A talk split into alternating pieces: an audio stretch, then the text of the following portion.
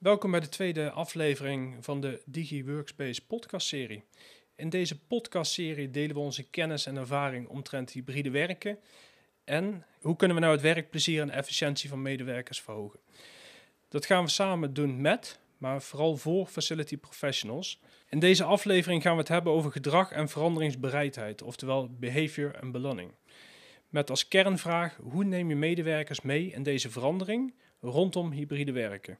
Ik ben Wouter Raats, marketeer bij Rico Nederland en richt me op de digital workspace en met name over hoe je met nieuwe technologie een andere manier van werken kan faciliteren en samenwerken kan bevorderen. Vandaag hier aangeschoven Roel Gene. Roel, zou jij jezelf kunnen introduceren? Ja, natuurlijk kan ik dat. Um, Roel Gene, ik ben uh, veranderkundige en daarnaast ook nog um, innovation manager bij Veldtoen Company.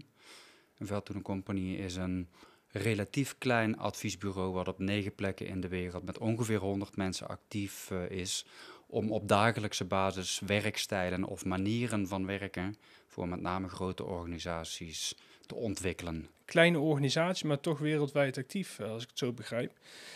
Maar als ik daarnaar kijk, naar jouw ervaring die je de afgelopen 25 jaar hebt opgedaan, kan je mij dan eens een mooie omschrijving geven? Wat is nou in de afgelopen jaren veranderd, de manier van werken en hoe zou jij hybride werken omschrijven? Ja, dat is een uh, hele grote vraag, maar ik zal het proberen.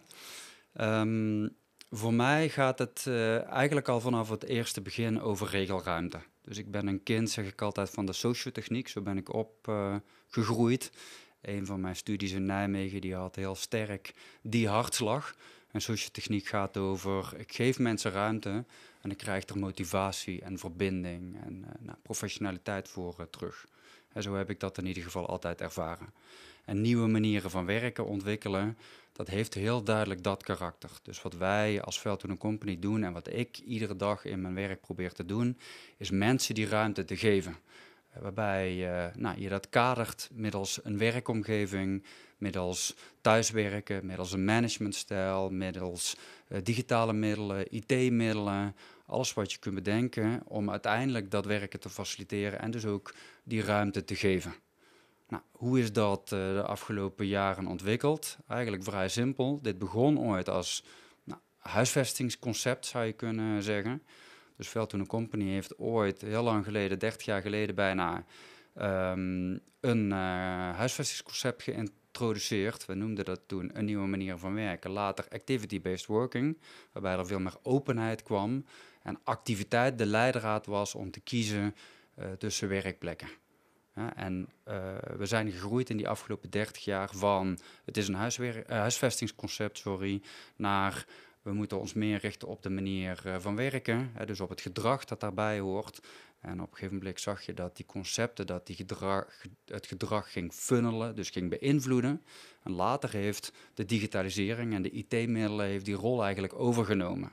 Dus met de komst van de iPhone en de de, de iPad, en daar gaan we het vast nog wel allemaal over hebben, de AI van nu, zie je dat de werkelijke trigger om gedrag, gedragspatronen, samenwerken en werken om dat beter te pakken, dat dat is de versnelling door techniek. Oké, dus als ik het goed begrijp en ja, beluister, dan is hybride werken aan zich eigenlijk niet nieuw.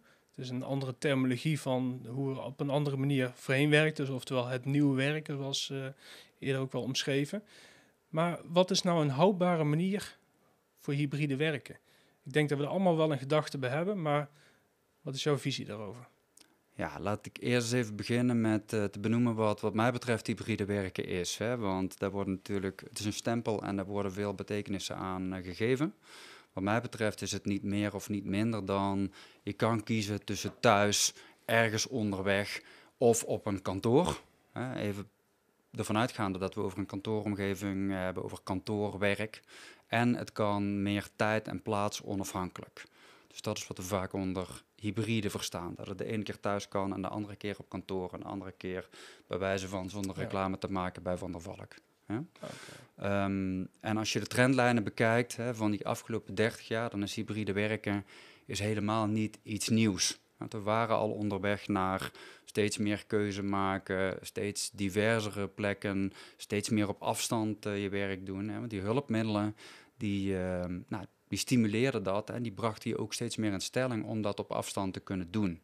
Dus wat dat betreft volgen we hiermee uh, stevig uh, de trendlijn. Als je dan vraagt uh, hoe heb ik dat houdbaar te houden, dan is dat vrij simpel. Namelijk wat we zien in diezelfde trendlijn is dat de individuen en de individuele teams, maar met name de individuen, dat die steeds meer macht krijgen, steeds meer gezag over hoe doe ik mijn werk. Terwijl de achtergrond daarvan, hoe doe ik mijn werk goed, met plezier, duurzaam, nou, noem die begrippen allemaal maar op. Ja, daar zijn we niet zo erg mee bezig. Dus als ik jou vraag van hoe doe je nu jouw werk in jouw rol en met jouw personality, hè, persoonlijkheid het meest productief, dan is het vrij lastig waarschijnlijk om daar een antwoord op te geven. In ieder geval voor de gemiddelde medewerker wel. En toch brengen we ze in stelling om steeds meer op afstand uh, te werken, uh, geven leidinggevenden vaak meer ruimte, et cetera. Dus als je vraagt hoe maak ik het meer houdbaar, dan begint dat bij weet ik eigenlijk wel wat die ontwikkeling met me doet en hoe ik dat meer productief, plezierig, duurzaam, vitaal kan maken. Dus met andere woorden, activiteit gerelateerd werken bepaalt ook de locatie waar je het beste dat zou kunnen doen. Maar moeten we dan ook meer thuis gaan werken? Of heeft het meer thuiswerken dan ook nog een goede eigenschap erin? Ja, ik, um, ik hoor wat je zegt. Hè. Dat woord moet, dat triggert me dan meteen. Dat is uh, veranderkundige, hè, als je me zo uh, zou willen noemen dan ben ik zo weinig mogelijk bezig met moeten en zoveel mogelijk met zou je het willen, zou je het kunnen, kan ik je motiveren, kan ik je uitdagen om een stap te zetten, et cetera. Maar als we hier even teruggaan naar thuiswerken, nou, vanochtend was er een mooi onderzoek wat gelanceerd werd, waaruit heel simpel blijkt, hè, dit is een Brabants onderzoek, we zitten nu in Brabant, we zitten in Nederland, dus mag ik, uit die bron mag ik wel even putten. Een Brabants onderzoek waarin heel simpel uh, bleek dat iedereen die de ruimte heeft om thuis te werken, dat die daar gebruik van maakt. dus als je die ruimte voelt en als je hem daadwerkelijk hebt, dan willen mensen bijna zonder uitzondering twee tot drie dagen per week thuis werken. En wie maken daar geen gebruik van? Nou, medewerkers die voelen dat hun leidinggevende daar geen fan van is, of veel heel duidelijk te horen krijgen dat het niet mag. Twee, die thuis de huisvesting daar niet voor hebben. Dus kids thuis of een partner die ook aan het werk is of te klein uh, behuist. Um, en, um, en dan hebben we nog een derde categorie. Die uiteindelijk er niet voor kiest om, uh, om veel thuis te werken. En dat zijn mensen die het vanuit de functie niet kunnen. Dus die bijvoorbeeld aan een receptie staan of de koffie serveren of in een laboratoriumomgeving werken met hele specifieke apparatuur. Maar alle mensen die dus niet in die categorieën zitten, ik geloof dat het zelfs 95% of meer was, die zegt, dan zou ik twee of drie dagen per week thuis willen blijven. Nou, op zich ook heel logisch. Hè? Dus de activiteit bepaalt waar je werkt. Dus als je productie moet draaien, maar zo te zeggen, dan kan je dat ook niet altijd vanuit thuis doen. Maar wat is er nou volgens jou dan voor nodig om uiteindelijk om hier aan bij te dragen? Om erin te kunnen faciliteren, om het zowel goed thuis te kunnen doen, maar ook op kantoor? Wat, uh, wat nodig is, uh, is dat we weten wat het effect is van thuiswerken en het effect is van op kantoor werken. En wat we dus missen. En uh, nou, je kunt de artikelen lezen, bedoel, zijn, uh, net als deze podcast, zijn er natuurlijk heel veel geschriften op dit moment over wat doet hybride werken. En overal zien we terug, we missen de verbinding. dat is voor mij iets te mager. Want we doen daar heel veel onderzoek naar. Hè. We, uh, verschillende bronnen uh, zelf met, uh, met, met, met hulp van anderen. En kijken heel erg naar hoe ontwikkelt dat patroon, hoe ontwikkelt die routine zich en wat, ja, wat voor trends ja. zien we daarin terug. En wat ja, je ziet, ook niet vreemd. Hè? Mensen praten met mensen. Hè? We zijn gewoontedieren. We dat, ja. dat. Hè? Maar wat, dus wat je ziet is als mensen thuiswerken, dat het belang van de thuissituatie steeds groter wordt je zou kunnen zeggen, de productiviteit neemt toe, hè, want je wordt minder gestoord door collega's, ze stellen je minder vragen. Uh, nou, het ad hoc karakter van werken neemt af, zijn allemaal dingen die we zien. En tegelijkertijd neemt het belang van, hey, ik wil met de kids lunchen, of ik moet de hond uitlaten, of de wasmachine moet, uh, uh, moet gevuld worden, neemt ook toe. En nou, daar is een hele interessante ontwikkeling, namelijk een maand of twee geleden is de eerste keer dat die trendlijn uh, een doorbraak uh, heeft. En een doorbraak in dit geval dat mensen op dagelijkse basis, dus ik beslis op woensdag en het gaat over een taak op woensdag, dat ze die thuissituatie belangrijker vinden dan wat de organisatie of hun leidinggevende vraagt. dat betekent als je thuis uh, werken dat de productiviteit stijgt. Nou, dat heb ik allemaal net gezegd, maar ja. dat het belang van thuis ook stijgt. En als mensen op kantoor zijn, dan vergeten ze dat belang van thuis uh, veel uh, gemakkelijker. Maar is er ook weer dat ad hoc contact. Dan is er die ontmoeting met, uh, met vrienden op kantoor. Dan is, die, is er die warmte, dan is er die routine van... goh, we zijn hier, we drinken koffie, we gaan voor het smartboard staan, et cetera. En uiteindelijk gaat het erom, kennen wij voor onze eigen medewerkers... want er is geen one-size-fits-all solution... kennen wij voor eigen medewerkers die belangen... En weten wij die belangen op de juiste manier te verenigen. Want ik durf te zeggen dat dat voor een groep beleidsmakers dat dat totaal andere uh, compositie is dan voor een groep marketeers. Dus eigenlijk als ik het dan zo schets, is niet eens de balans in het hybride werken belangrijk, maar ook heel erg de balans in de productiviteit. Dus aan de productiviteit aan de kant van de werkgever. Hoe zorg ik ervoor dat de taken op de juiste manier uitgevoerd worden? Ja, ik denk dat uh, dat altijd een, uh, een, heel belangrijke gedachte is. Uiteindelijk, hè, dat is een hele simpele redenatie, maar werken we omdat het motiverend moet zijn en omdat uh, je ochtends het bed uitstapt en denkt ik heb zin in deze dag en we werken om geld te verdienen. Um, maar we werken ook als we geld verdiend hebben omdat we dan een gezamenlijk belang hebben. En omdat er een leidinggevende is of een team die iets van je verwacht. En juist in dat voorbeeld wat ik net geef, we moeten ervoor zorgen dat thuiswerken een plek krijgt in hoe we met z'n allen willen werken. Maar het mag uiteindelijk, mag dat thuiswerken, mag er niet voor zorgen dat de constellatie die we met z'n allen op kantoor hebben, wat we dan noemen een team of een gezamenlijke prestatie of het samenwerken, dat dat ondermijnd wordt. En ik durf hier te zeggen, bij in ieder geval veel van onze opdrachtgevers, laat ik daar maar even een grapje van maken, misschien is dat alleen voor onze opdrachtgevers, veel van onze opdrachtgevers lijkt het op dit moment ondermijnend te zijn op die effectiviteit van samenwerken. Dus als ik dit goed samenvat, de balans in het thuiswerken of het hybride werken, maar vooral het thuiswerkcomponent waar de productiviteit dus ook erg belangrijk is, moeten we dus ervoor opletten dat we niet neigen naar te veel privé. Dat, dat we daar juist de evenwichten moeten vinden. Dus te veel werk, privé of als je hem uh, spiegelt, te veel op kantoor. Hè, want uh, ook dat zien we nog gebeuren. We werken voor grote overheden, veel logistieke dienstverleners of banken op dit moment. En wat je ziet is een hele grote tweespalt. Dus groepen die altijd op kantoor zijn, groepen die bijna nooit meer naar kantoor komen. En wat daartussenin zit, hè, wat wisselt of wat bewuste keuzes maakt, is kleiner, veel kleiner dan die twee groepen. En het is hier juist belangrijk om te kijken, hè, wat ik net al zei, op teamniveau of op individueel niveau. Hoe kom je tot plezier? Wat is een maximale productiviteit? Wat is de minimale productiviteit? Productiviteit die we van je verwachten. Als jij productiviteit levert, is dat ook de juiste input voor je collega nog steeds. Nou, en dat is een heel interessant ding daar, hè, want we hebben het steeds over die verbinding tussen mensen. En dan schrijven veel van mijn collega's of collega's dat het dan gaat over de warmte, hè, de arm om je heen slaan, want we hebben verbinding nodig. Nou, uh, lol met elkaar. Wat wij zien in onderzoeken is dat het in eerste instantie gaat over die lol, over die we zijn met vrienden. Maar na een aantal maanden zie je dat het heel duidelijk gaat om, krijg ik nog wel de, de juiste input? Weet ik van mijn collega wat hij aan het doen is? Uh, vertrouw ik op datgene wat hij me aanreikt?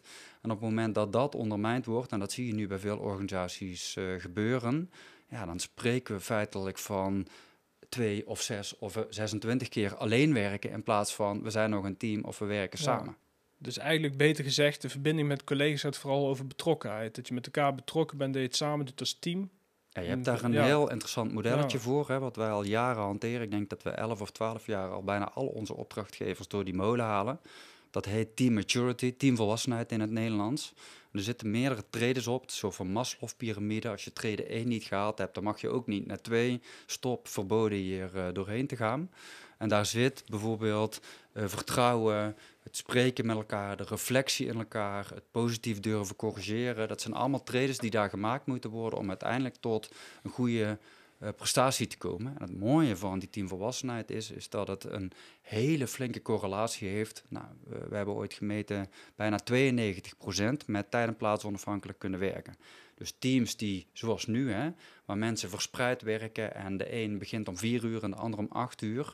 Als de volwassenheid niet heel hoog is, dan betekent dat de prestatie van het team bijna altijd achteruit gaat. Ja, ik kan me er ook goed iets bij voorstellen, want ik kan misschien heel goed mijn werk doen en ik ga ervan uit dat anderen dat ook zo vinden. Maar als zij daar anders over denken, maar ja, die verbinding is niet en je hebt daar geen goed gesprek over, ja, dan ga je langs elkaar heen leven daarin. En toch is dat Ja. wat, wij, eh, wat we tegenkomen. En Ja. ik durf te zeggen, in mijn eigen organisatie ook, maar bij een gemiddelde gemeente of bij een gemiddelde bank is dit aan de orde van de dag.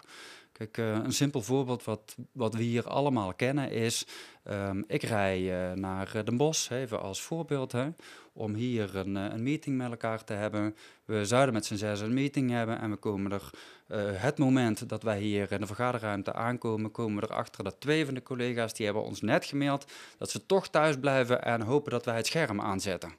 Ja. Nou, ik kan je wel vertellen dat die meeting waarin je hoopte dat je dat met z'n zessen live zou, eh, zou doen, dat die effectiever zou zijn geweest als we er allemaal live zouden zijn geweest, dan wanneer dat we een combinatie maken. Tenzij dat je dat op een andere manier voorbereidt. Maar dat zie ik Ja. dus zelden gebeuren. Ja, ik herken goed in wat je zegt, want die voorbereiding van een live meeting is anders dan hetgeen wat je op afstand doet, omdat je elkaar van informatie moet voorzien. Je ziet elkaars mimieken minder, dus de verbale communicatie eh, speelt daar een rol in. Maar heb je nou ook tips die je zou kunnen geven, dingen die je juist wel moet doen om te zorgen om hier nou een succes van te maken, om in ieder geval die verbinding of de betrokkenheid aan te jagen? Nou, ehm, ik zal er een aantal eh, geven. Kijk, eh, er zijn enorme kansen hier. Hè? Dus ik geloof erin. Ik heb net eh, een boek afgerond. Dat ben ik al 15 jaar aan het schrijven. Heeft ook drie episodes. Kijk ik naar de trendlijnen. En dan kijk ik ook naar wat is er te winnen. En in dat wat er te winnen is, zie je heel duidelijk, er kan nog veel meer vierkante meter reductie plaatsvinden. Het kan een positieve input eh, zijn voor vitaliteit, voor duurzaamheid, voor productiviteit, zoals je al zei, voor werkplezier. Dat kan allemaal. Maar je hebt aan de andere kant ook rekening te houden met wat we dan noemen bricks, bytes, behavior. Dus heel simpel kijken naar eh, wat moet ik doen in de thuiswerkplek of hoe kan ik het kantoor leuk maken.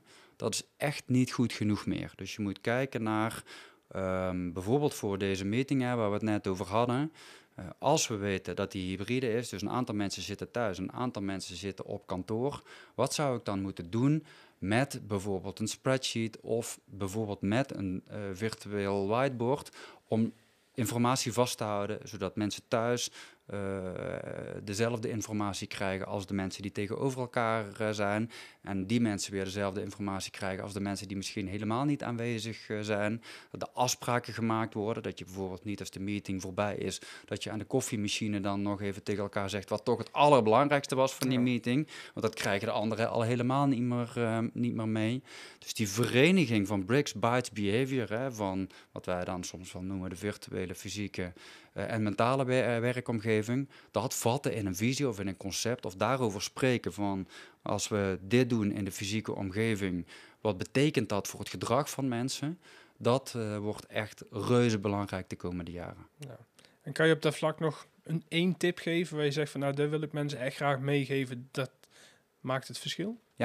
Ik zal één tip geven waarvan iedereen zegt dat doen we al. En waarbij ik eh, hier zomaar zou durven zeggen dat 80% van de mensen dat niet goed genoeg doet. Namelijk, het gaat hier om respect en het verenigen van belangen. Dus op het moment dat je wil komen tot we gaan gezamenlijk een bepaalde werkstijl of een bepaalde routine of een bepaalde afspraak met elkaar naleven, dan moet die ook gedragen worden, in ieder geval door het gros van de mensen die die afspraak maken. En ik heb net eigenlijk al gezegd, daar komt de thuissituatie of de onderwegsituatie of het belang van de kinderen, die komt daarbij. En het is ook heel belangrijk om, als je kijkt naar welke afspraken willen we met elkaar maken, om de belangen dan te kennen. Zodat je op een gegeven moment ook kunt zeggen van oké, we kennen je belang en toch vinden wij als groep of als leidinggevende in deze, dat jouw belang, van het, even heel plat gezegd, het uitlaten van de hond, dat dat nu ondergeschikt is aan het gezamenlijke belang. Dus even weer terugkomen op dat voorbeeld. We hebben een brainstorm meeting. We willen hier een brown paper voor, volschrijven. Het moet creatief zijn. We vinden met z'n allen, hebben we gevonden, dat dat het best op kantoor eh, kan. Dan is het belang van het uitlaten van de hond, ondanks dat je misschien niemand anders hebt, is op dit moment ondergeschikt. En dat gesprek, wat veel tijd kost en wat ook veel, we kijken elkaar in de ogen en we geloven elkaar en we vertrouwen elkaar kost, dat wordt wat mij betreft echt doorslaggevend in eh, de komende ja- eh, maanden en jaren om die nieuwe manier van werken te bouwen in een organisatie. Dus eigenlijk als ik het heel kort samenvat, doen wat je zegt, maar ook zeggen wat je doet en dat afstemmen met elkaar, zodat je dat op gelijk niveau doet. Ja, afstemmen met Ja. elkaar en daarmee ook elkaar wat beter kennen. Ja, ik doe wel eens tweedaagses met directieteams of met boards. En ehm, het eerste wat ik eigenlijk altijd doe is vertel eens even een kwartier over je thuissituatie. Hoe vaak eh, sta je in de schuur te timmeren? Eh, heb je een hond of een kat? En je verbaas je erover hoe slecht mensen die, die thuissituatie van elkaar kennen. Ze weten vaak nog wel of ze kinderen hebben en hoeveel kinderen. Maar of iemand houdt van klussen of van breien of eh, thuis uh, tennist of in het zwembad ligt dagelijks. Daar ontbreekt het al heel vaak aan. Laat staan dat je daar dat je ervoor over hebt als collega of als leidinggevende of als medewerker om uh, iemand dat te gunnen. Hè? Dat hij in het water kan liggen of dat hij de hond kan uitlaten. Of nou, dat je er rekening mee kunt houden om dat perspectief, om daarvan te zeggen van dat is nu dus ondergeschikt. Dus het begint ook op dat niveau. Ja, klinkt eigenlijk heel simpel, maar zo simpel is het niet. Zo simpel is het Nee. zeker niet. En zeker als je elkaar beter wil leren kennen, moet je ook met elkaar het gesprek aangaan. En dan een inhoudelijk gesprek. En niet over van wat ga je morgen doen en dan naar huis vertrekken. Nou, en ik durf te Ja. zeggen, kijk, eh, filter bij jezelf. Hè. Dat is een uitdaging naar iedereen die, eh, die deze podcast eh, luistert. Filter bij jezelf maar eens hoe vaak dat je in de afgelopen maand zo'n gesprek met een collega gehad hebt. Of met vrienden überhaupt, weet je niet. En ik geloof erin dat als we nu dadelijk kijken naar, er bijvoorbeeld nog heel veel vierkante meter reductie te halen in kantoren, waar iedere real estate manager of facility manager bijna mee bezig is, dan zullen we moeten beginnen bij het maken van afspraken in plaats met het maken van een mooi design.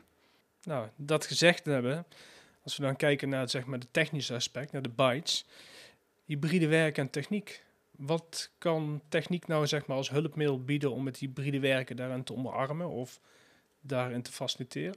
Heb je daar um, nog een mooi voorbeeld van? Ja, techniek doet, uh, doet bijna alles. Hè. Dus uh, uh, we hebben het bijvoorbeeld over schermen die ons, uh, we, we, praten begin 2023, hè, we hebben het over schermen die ons zien aankomen, die ons welkom heten, die herkennen welke applicaties dat we gebruiken. Dus die, die techniek die gaat zijn intrede doen. Ik denk dat de, uh, de grote systemen hè, uh, waar wij onze informatie opslaan, die zullen ook steeds intelligenter worden. Je ziet dat de Apples en de Microsofts daar mee bezig zijn. Dat gaat binnenkort uh, gebeuren. We zitten een aantal weken voorbij de lancering van Chat GTP, hè, de, de, de enorme bak met data die AI aangestuurd wordt, waarbij we vragen kunnen stellen en antwoorden krijgen. Allemaal zaken waar we als mens gebruik van uh, kunnen maken. Maar hier ga ik terug naar waar we het een kwartier geleden ongeveer over hadden. Ik denk dat we daarvan gebruik moeten maken. En dat versnelt ons productiviteit. Dat zorgt ervoor dat we niet avondenlang hoeven te werken. Dat kan ons werkplezier uh, beïnvloeden. We moeten daar goed kijken per persoon, per team en misschien ook wel per organisatie. Waar dient het ons?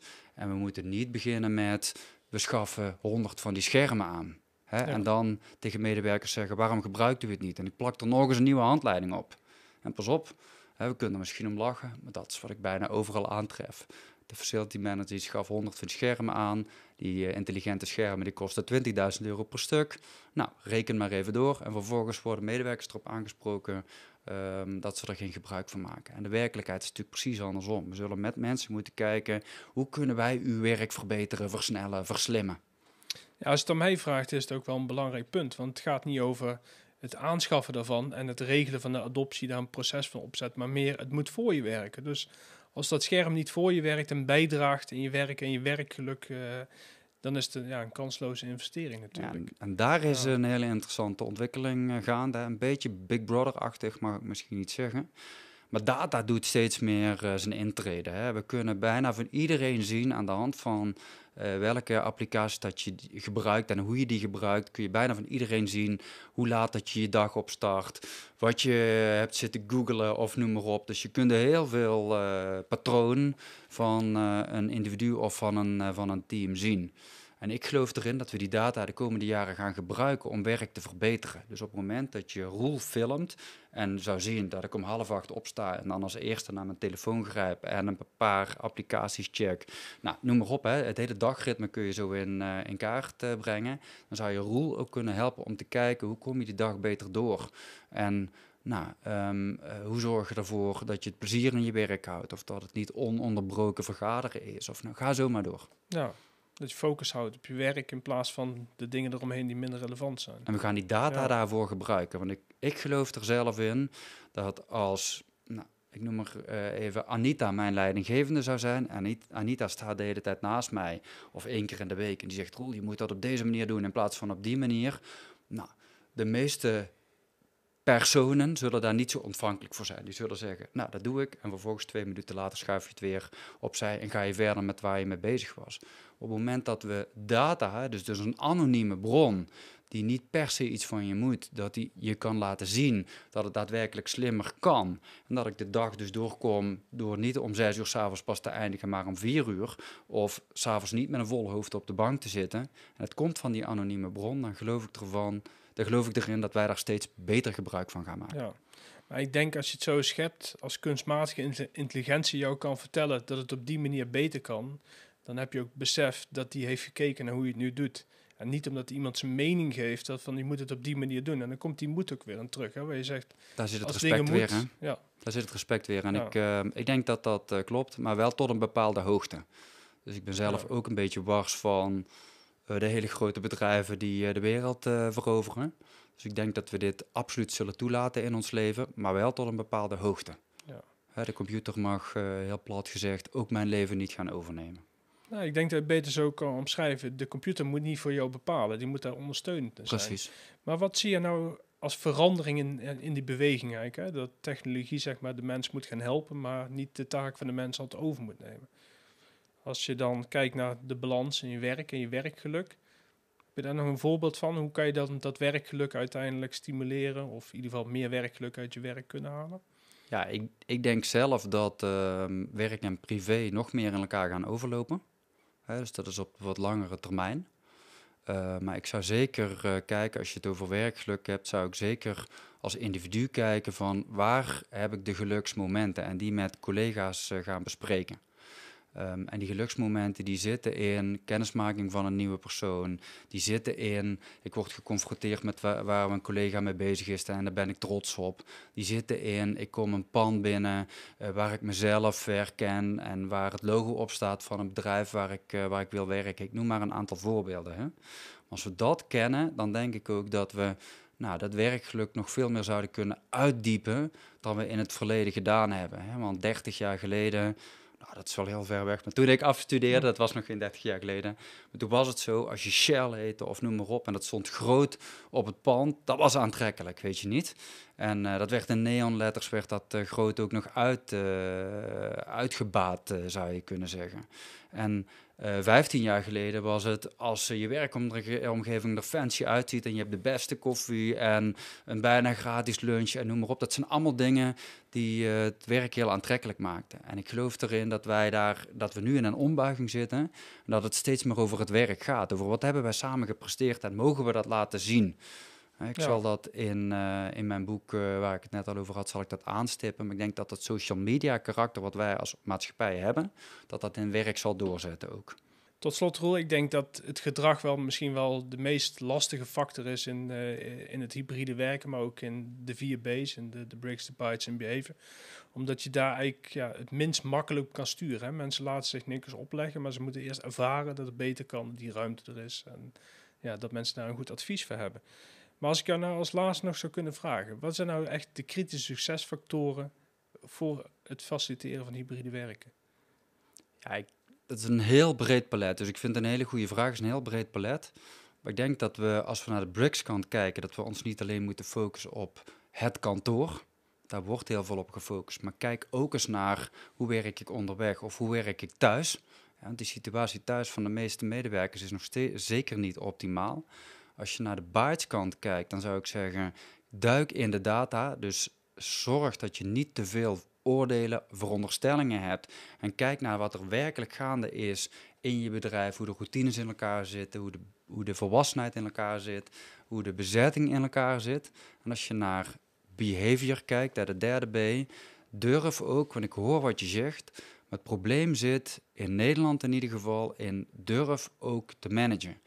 Als je medewerkers hebt, als je een team hebt, dan moet je ook durven ingrijpen, dan moet je ook afspraken durven te maken. En wat wij in Nederland zien, is dat de meeste afdelingshoofden en de meeste teamleiders het toch veel laten gaan. Dus het al snel goed vinden en ook hopen dat het goed komt. Dat is een wat sombere mededeling, maar dat is wat ik vaak uh, wel aantref.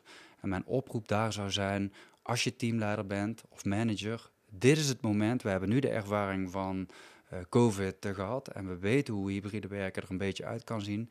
Dit is het moment om tot die afspraken te komen. En jij als manager, tenzij dat je een echt fantastisch volwassen team hebt, maar jij als manager of als leidinggevende hebt daar gewoon een belangrijke rol in. Dus laat het niet gaan, pak het beet. Ja, en dat zeker. Uh, dus minder polderen en meer uiteindelijk definitieve beslissingen nemen en daarachter staan. Ja, of met je mensen. Zorg er ook voor dat je hier duikenhok in. Zorg er ook voor dat je een aantal keren dat doet. Laat het niet gaan. Als iemand, hè, als die twee mensen in dat voorbeeld van net thuis blijven en je zit daar niet op te wachten, durf ze ook daarop aan te spreken. En ik denk dat het polder een mooie kreet is. Want dit is echt wel, nou, het komt in alle landen waar we zitten voor. Uh, maar in Nederland toch uh, zijn we daar wel kampioen in. Dus als het ware, neem beslissingen, sta erachter en stuur daarop in plaats van ja, in het ongewis laten. Ja, want als het over werkplezier en vitaliteit en duurzaamheid en productiviteit gaat, dan is het niet alleen in het belang van die medewerker, maar vooral ook in het belang van die organisatie.